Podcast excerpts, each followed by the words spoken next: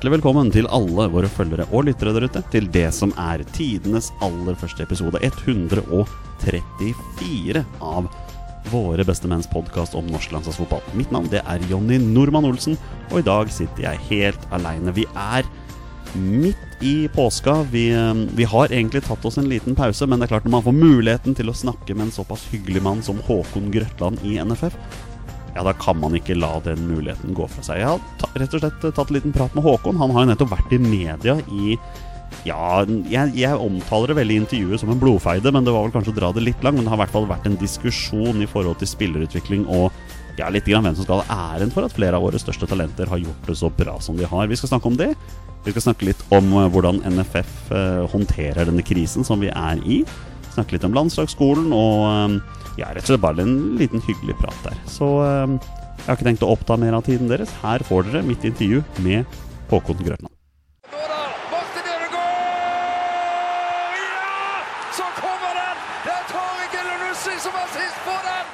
Håkon Grøtland er ansatt i Norges Fotballforbund som seksjonsleder for spiller- og trenerutvikling. Han er fagansvarlig for landslagsskolen i NFF og ikke minst, han er i disse dager involvert i det som kun kan omtales som en blodfeide med tidligere landslagsspiller Kjetil Rekdal, pluss at han er en god venn av våre bestemenn. Alt dette og mer skal vi snakke om i de kommende 20 minuttene. Men før vi kommer så langt, så må jeg rett og slett bare spørre deg, Håkon. Um, i, disse, I disse koronatider, hvordan, hvordan, har du det egentlig? Jeg er rastløs. Det er vel det første ordet jeg kommer Jeg er fryktelig rastløs. Jeg har bare ja. lyst til å Ja, at det skal være action igjen. for å si det sånn. Ja. Hvordan, hvordan, det, uh, hvordan ser... Men For å svare litt seriøst på det, så nei, det, er, det, er, fint. og det er, eh, det er, nye, det er jo en ny hverdag for oss alle. Og så har det vært uh, liksom helt sånn, litt sånn nye setninger fra uke til uke, sånn jobbmessig. For det er, dette kommer litt sånn bardus på. og så... Mm var det sånn I første fasen her, eh, sett fra NFF-øyne, så tenkte vi at ålreit, nå blir det mindre aktivitet en stund. og da, da, har vi muligheter for å gjøre en del andre ting som vi aldri føler at vi får tid til. Akkurat. Uh, det er første fase. Og så blir det mer inn i sånn permitteringsgreier osv. Så, videre, så det har vært, det har vært utfordrende. Ja, hva er status for Håkon Grøtland akkurat nå? Er du, er du permittert, eller er du i en form for jobb? Jeg jobber for fullt. Jeg har vel egentlig aldri jobba mer. Men det er klart at det er så det, Men eh, det er jo veldig mange andre som er permittert. Og ja. mange av de som jeg er leder for, er permittert. Så det er klart at det, jo, det er jo lite ålreit, da. Ja. Men, eh, men, sånn er det. Hvordan, eh, hvordan, ser en typisk arbeidsdag ut for deg i disse dager? da er det opp og så må jeg finne et eller annet sted hvor jeg ikke blir forstyrra av unger. Og, og, så er det møter på Teams som alle må vel ha fått et forhold til. Det er mye ja. videomøter. Mm. Eh, og så etter hvert som timene går, så begynner jeg å bli så rastløs og sitte på rumpa og se på folk på video da må jeg begynne å gå. Så jeg begynner ja. å gå og tar resten av telefonene møtene mens jeg, mens jeg er i bevegelse. Ja. Du, du har hjemmekontor, rett og slett? Er det sånn å forstå?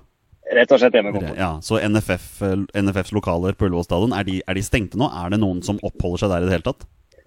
Det, ja, det som jeg var innom der, det er ikke, var ikke stengt. Så jeg var innom der en liten tur for noen dager siden. Da, ja. da var det for å si det sånn, det var relativt dødt der, ja. Det var ikke et menneske. Hvor, um, um, det er klart at når, når, begynte egentlig dere i NFF å, å skjønne at ting kom til å bli annerledes framover? Uff, ja, det er et godt spørsmål. Det er liksom sånn, uh, for, for det dager og datoer og sånn, og bare er litt sånn, en sånn eneste stor grøt. Så det, er, uh, så det, er liksom, det ble en sånn gradvis både forståelse og aksept for at dette her er jo faktisk alvorlig. Og dette får konsekvenser også for oss. Men vi er jo litt sånn både i Norge her at vi tror, tror ikke disse tingene rammer oss, liksom. Men, ja. det, så det ble en sånn gradvis. Jeg husker ikke helt dato, men jeg husker jo liksom på tidspunktet hvor vi måtte begynne å avlyse ting og si at dette her er det stor fare for at vi ikke får gjennomført, så vi må avlyse. og Da, da er vi vel eh, Nei, da, jeg husker ikke. Altså. Nei, ikke er, men, men, var, sånn men, var det et tidspunkt hvor liksom, dere sitter og planlegger for året? Var det liksom et tidspunkt hvor en av dere begynte å tenke, rekke opp hånda og liksom si Du, dere, det der koronavirusgreiene, det, det, kan, det kan bli skummelt for oss òg, altså? Ja, det, jeg merka at det ble mer og mer trøkk utenfra. Altså, vi, igjen, sikkert sånn etterpåklokskapens naivt, men vi satt og planla. For så skulle vi ha svær talentleir i eh, 26.3.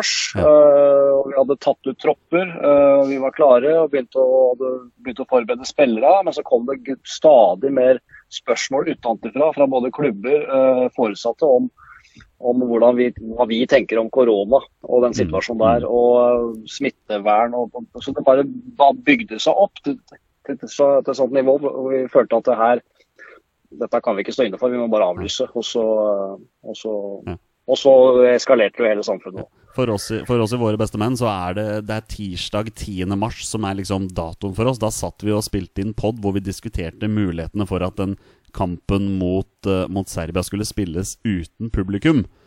Ja. Og så får vi jo vite etter innspillinga at jo da, nei, den kampen skal spilles uten publikum. Så går det to dager, og alle vi tre som er i Våre bestemenn, vi er jo barnehagelærere, da fikk vi beskjed om at arbeidsplassen vår skulle stenge. Og fra torsdag 12. mars og framover så bare balla det på seg. Og da skjønte jo vi etter hvert at ok, den landskampen mot Serbia den kommer ikke til å bli spilt. Eliteserien kommer til å bli satt på pause. All aktiv ja. fotball i Norge kommer til å bli satt på pause. Så for ja. oss som liksom jobber i, i, de jobbene, så var det liksom våre utfordringer Men jeg kan, jo ikke, jeg kan jo bare tenke meg hvordan det var i lokalene til NFF når de liksom begynte ja. å skjønne at oi, vi må faktisk avlyse alt. Jeg blar litt i kalenderen. Jeg ser 10. mars kalenderen så står det at vi hadde et hastemøte om NM med menn. Så ja. da kan jeg tenke meg at da, da, da begynte det å balle på seg ikke sant, ikke sant. Men, men så, sånn framtidsmessig, da. Nå går jo Altså, jeg savner fotball hver eneste dag. Savner fotball. Men det er klart vi, vi, vi får liksom nye datoer hele tiden for når ting kan tas opp. og sånn, Men hva med dere i NFF? Har dere, har dere noen form for trua på at vi får noe aktiv fotball i 2020 i det hele tatt? Ja, Det har vi jo. Vi hadde møte i stad, og da jo, nå kom det jo nye signaler i går om at uh, altså 15.6, så det ikke skjer noe uh, før det. Uh, litt sånn tvetydig der òg, for det er også signalisert at det kommer litt mer presiseringer i starten av mai. Mm -hmm. men nå planlegger vi for at det først blir på en måte seriekamp over sommeren. Det er liksom det vi innstiller oss på. Ja.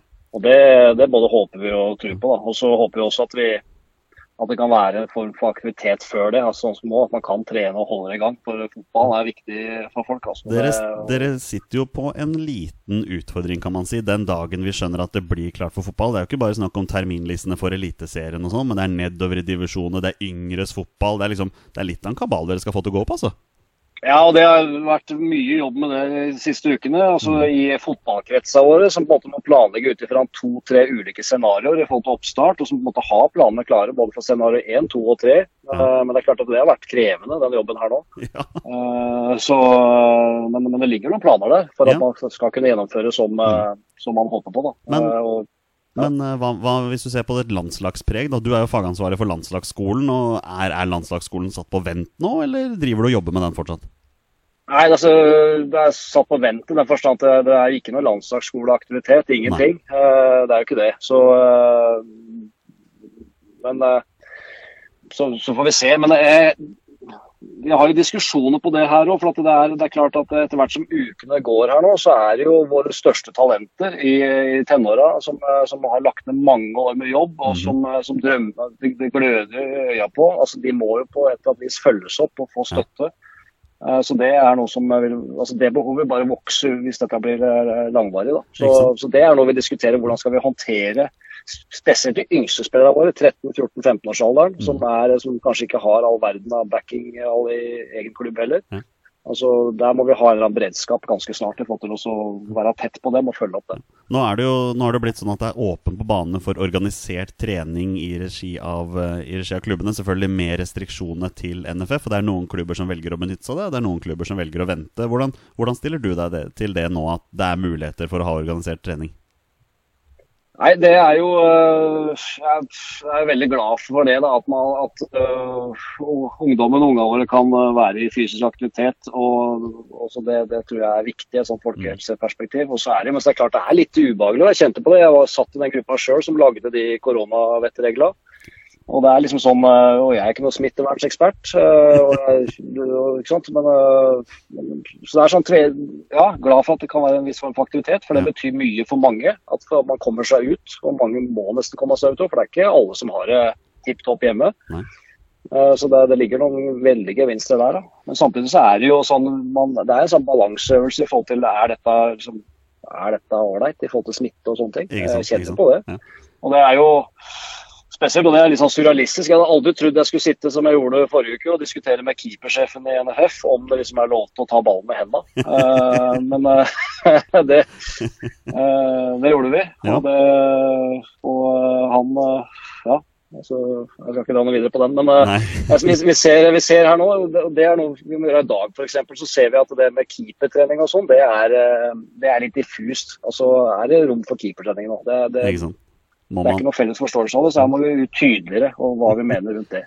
En av, de, en av disse koronavettreglene dere har snakket om, det er jo dette her med å ikke heade ballen. Ser du for deg at man må lære ungdommen å heade ballen på nytt igjen når fotballen kommer tilbake?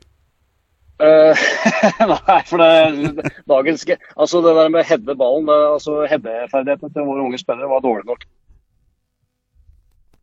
i forhold til ball i lufta lenger. Det er bare hver slags bakken.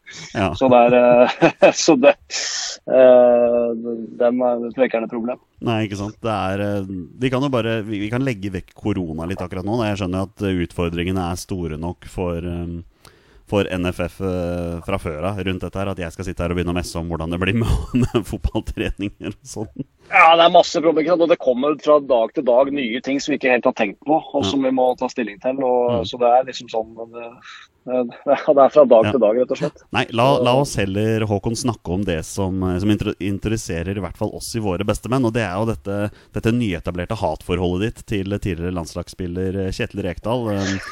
Når, når jeg omtaler det som blodfeide, men det er vel kanskje å dra det litt langt? Jeg drar det veldig langt. så det, men det er jo, for det første, så Kjetil Rekdal er jo Jeg elsker Kjetil Rekdal. Han har gitt meg et av mine største barndomsminner uh, når han banka inn den goalen mot uh, Brasil der. Mm -hmm.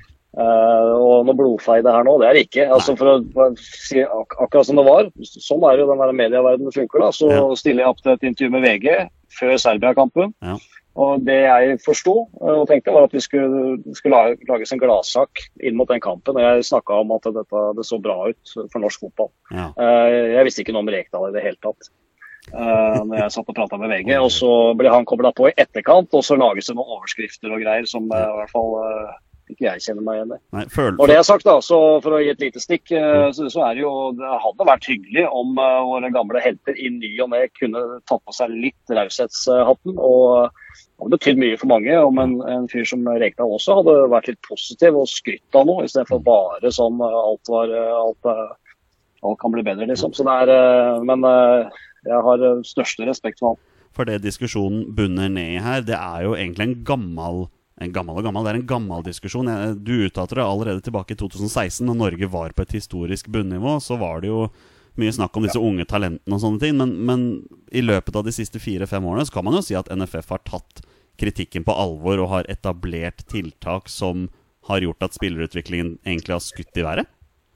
Ja, det var jo litt, og vi følte det allerede i 2016, når det storma som verst og A-landslaget ikke gjorde det all verden, for å si det enkelt. Eh, så, så ble det jo skutt på spillerutviklinga, og da følte jeg og vi at eh, vi hadde satt i gang mye som kom til å gi gevinster, og hvis vi ga det litt tid.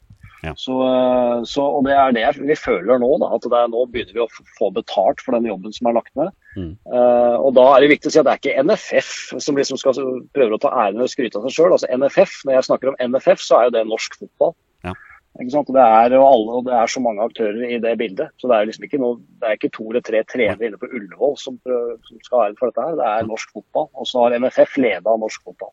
Noe, noe, av kritikken som kom tilbake den gangen, var da lå Norge helt nede på en 88.-plass på Fifa-rankingen. Det var jo mye, mye, kritikk fordi man liksom følte at man ikke dyrket enerne, at man kun eh, produserte midtbanespill og sånne ting. Men du snakker jo nå om at eh, nå dyrker dere jo enerne ganske bra. Ja, jeg syns vi og det, og jeg følte vi gjorde det før den tid òg. Altså, Sjøl var jeg jo tett på Ødegård når han var eh, elleve år. Altså, mm. Han ble ganske dyrka han fra NFF fra han var elleve år gammel. Så fikk han uh, særbehandling, for å si det mildt. Ja.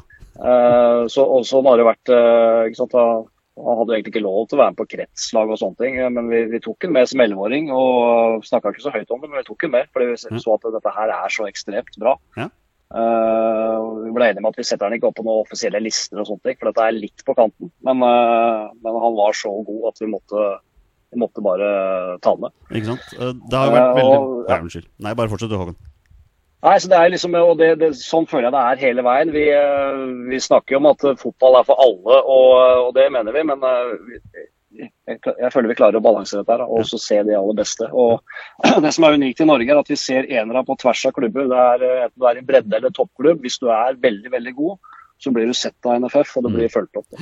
Nå er vi jo plutselig i, i, en, i en alder hvor vi som fotballsupportere nesten kan Jeg har ikke lyst til å si forvente, men vi kan i hvert fall forvente at, eh, at eh, de yngre landslagene kjemper om muligheten til å være med i sluttspill. Og det er ganske mange av de generasjonene de siste årene som har vært i sluttspill, så det må jo være et bevis på at dere gjør noe riktig. Ja, jeg tenker det. Så hører vi noen peip til de der um, plugga mine her. Er du der? Ja, jeg hører deg, vet du. Nå fikk jeg deg bare på det ene øret. Da skal vi sånn er det. det skal bare... Amatørpodkast, da, da, vi klipper ikke bort sånne ting. Vi bare beholder det. sånn er det. Men det er klart, eh, resultatene er på det du, skulle du, du, skulle late som dette var i studio, du, eller var det var, er, ikke, er ikke mye studio, dette her, altså. nei. Uh, nei, altså, det, tilbake til spørsmålet ditt. Så ja, ja vi, det ser, det, vi begynner å mm kvalle inn til flere og flere mesterskap på aldersbestemt. Og det er jo et resultat av at vi jobber bedre i norsk fotball, enkelt og greit. Ja, har... Og det er så viktig, de referansene der, for de beste spillerne våre. En type Braut Haaland. Det var ekstremt verdifullt for han, er jeg ganske sikker på, å være med i de mesterskapene han var med i. Um, så ja, det, det, ser lyst ut, men så er det jo masse som eh, Det, det jobbes jo i andre nasjoner òg, så det er liksom ikke noe grunn til å være høy og mørk og tro at nå er jobben gjort. Nei, nei, men så har du, så har du vår gamle helt der, Kjetil Rekdal, som eh, til VG annet uttaler seg at man skal ikke dra NFF inn dette, her, at Haaland har blitt god pga. NFF er bare tull. Det samme gjelder Ødegaard, og forbundet har kanskje tenkt ut en retning og gitt klubbene råd, men NFF har veldig lite med spillerne å gjøre. Et par prosent i året, kanskje. Hva, hva tenker du når du hører sånne ting? Da? Nei, det er eh, Jeg tenker at det er veldig unyansert og en veldig forenkling av en eh, kompleks eh, fotballhverdag sånn som det er. Altså mm. NFF Det spørs hva man legger i NFF. Hvis man legger i NFF at det kun er landslaga og landslagstrenere, så ja, kanskje. Men NFF er jo så ekstremt mye mer, og vi jobber jo altså indirekte inn mot spillere var gjennom alt fra å bygge anlegg, balløkker, binger, mm. til å utdanne trenere til å ruste opp klubba våre, til å ivareta spillerne på en bedre måte. Altså, og til spillerutvikling, eh, kretslag. Altså, det blir mye mer enn altså, NFF leder norsk fotball. Og det er jo, da, da, må det være snakk om mer enn 2 ja. Men sånn direkte påvirkning, altså trener-spiller, så er det nok riktig. Da er det jo da er det jo en 1-2-prosenter, og så er resten av hverdagen i klubb. Men da er jo også målet at den 1-2-prosenteren den skal være så ekstremt bra og inspirerende at du drar med deg noe derfra inn i hverdagen din igjen. Ja, ikke sant? Det... F.eks. en type Haaland som da får lov til å være med i to mesterskap for Norge. Eh, det er jo ikke så mange prosent av en totalitet, men eh, jeg tror nok de erfaringene var gull verdt for han å ta med seg hjem igjen. Ja, så, så, så det, er, det, du tenker, NFF skal selvfølgelig også ha sin del av av æren for at uh, norsk U-landslagsfotball har gått så, går så bra som det går, da. Um, ja, altså, men uh, bare, for, igjen, bare for å forsterke det. Altså, for det, når, jeg, når, jeg, snakker med NFF, så er det mm norsk fotball og klubba våre. Og det er jo, klubb, det er jo klubben utvikler det. Det er klubba som utvikler spillerne våre. Så det, jo, det, det, skal det ikke være noen tvil om. Nei, ikke sant. Og, og, dere er jo veldig aktivt ute til klubbene, det vet jeg jo. Med, ja. med, med skolene. Dere er ute og skolerer klubbene. Dere har jo en mann i, hver, i hvert fylke holdt jeg på å si, som liksom rapporterer tilbake ja. til dere. Og dere tar jo godt vare på talentene. Det tør jo i hvert fall jeg påstå. Ja, vi, vi, gjør så godt vi kan. og ja. Jeg føler vi har funnet en bra modell som, som passer eh, vår nasjon og vår kultur og historikk. Da. Så er, så vi kan jo ikke drive som alle andre. Vi er et svært land med få folk, så vi må liksom rigge oss på vår måte. Men jeg tror vi har funnet en bra modell som folk begynner å få tro på. Ikke sant. Eh, tida begynner å renne fra seg, Håkon. Jeg har bare et par spørsmål på slutten her. Eh, hvordan ser du for deg fremtiden til norsk landslagsfotball nå? Tror du at vi, tror du at vi klarer å få de gode resultatene fra yngre landslag over til A-landslaget? Ja, jeg tror det. For det, og det er eh, rett og slett eh, fordi det er, det er, en, mentalitet, det er en mentalitet der nå som jeg begynner å få veldig trua på, som gjør meg optimistisk. Da. For det er spillere som er gode, men som også er litt sånn uredde og tøffe i, i trynet. Og som begynner å, begynner å, venne seg til å slå tyskere og engelskmenn og liksom, yngre landslag. Og som mm. har en sånn fandenivoldskhet og ureddhet som eh, men, det, men, så er det liksom det siste steget. Det handler om matching. og Om du får god nok kampmatching fra du er 17 og oppover. og der og Det blir jo spennende å se hvordan denne krisen, sånn sett, hvordan denne krisa gir seg utslag. Eh, det kan jo bli dårligere økonomi i klubba. Mm. Kanskje hvor yngre spillere slipper til enda tidligere og oftere. Eh, sånn sett så kan det kanskje være positivt for eh, spillerutviklinga i Norge. Mm.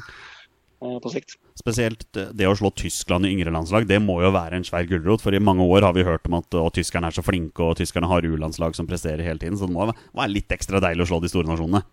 Ja, det er deilig. Og det er deilig å høre at Tyskland liksom har en egen Norge-gruppe. Prosjektgruppe i forbundet som bare jobber med å knekke Norgekoden. Uh, så det er, eh, det, da ble jeg litt glad. Ja, helt nydelig. at du, det er Noe av det siste du sier i episoden, er altså at Tyskland har en egen Norge-gruppe. Det, det, spørsmålet kunne jeg stilt helt i starten, så hadde vi hatt masse å snakke ja. om framover. ja, det var det. Så det, der sitter det grupper som uh, Skal ikke si at de jobber daglig, men at det, det er laget et prosjekt der i det tyske forbundet for å liksom knekke Norgekoden. og liksom hvordan er vi, Alt fra hvordan vi spiller til hvordan vi jobber. Den, den skal jeg lagre i minnebanken. Den skal, den skal vi prate om seinere, Håkon. det må du gjøre. Ja. Du, vi skal vi skal avslutte. Jeg må bare spørre, har, har, du noen form for påskefeiring i, dag, i år? Altså, nei, er nei ja. Den ene dagen er lik den andre. og Det er ja. vanskelig hverdag nå er er Det blir litt mindre jobbing. Jeg skal prøve å koble litt og så være med unga. Det er vel eh, det eneste. Ja, men det, det, det, er, det er begrensa hva vi får finne på. du, det, det, gjelder ganske mange her. Det blir en rolig påske. All right, Håkon. Ja. Vi, vi, sier takk for nå. Tusen takk for at du tok deg tid til oss. Er, Hvis jeg har telt riktig, så er det tredje gang du er gjest her, og det blir ikke den siste. Nei, så bra, da. Jeg kommer igjen, jeg, vet du. All right, Håkon. Vi snakkes. Ha det. Det gjør vi. Ha det.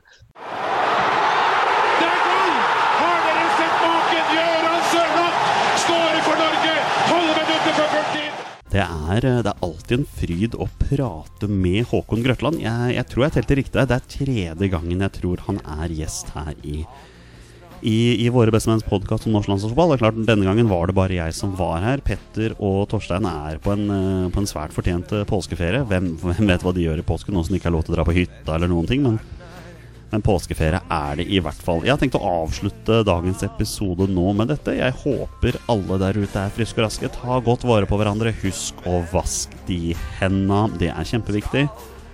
Og hold dere friske så mye det lar seg gjøre. God påske til alle sammen. Vi er våre beste menn. Heia Norge, og hei!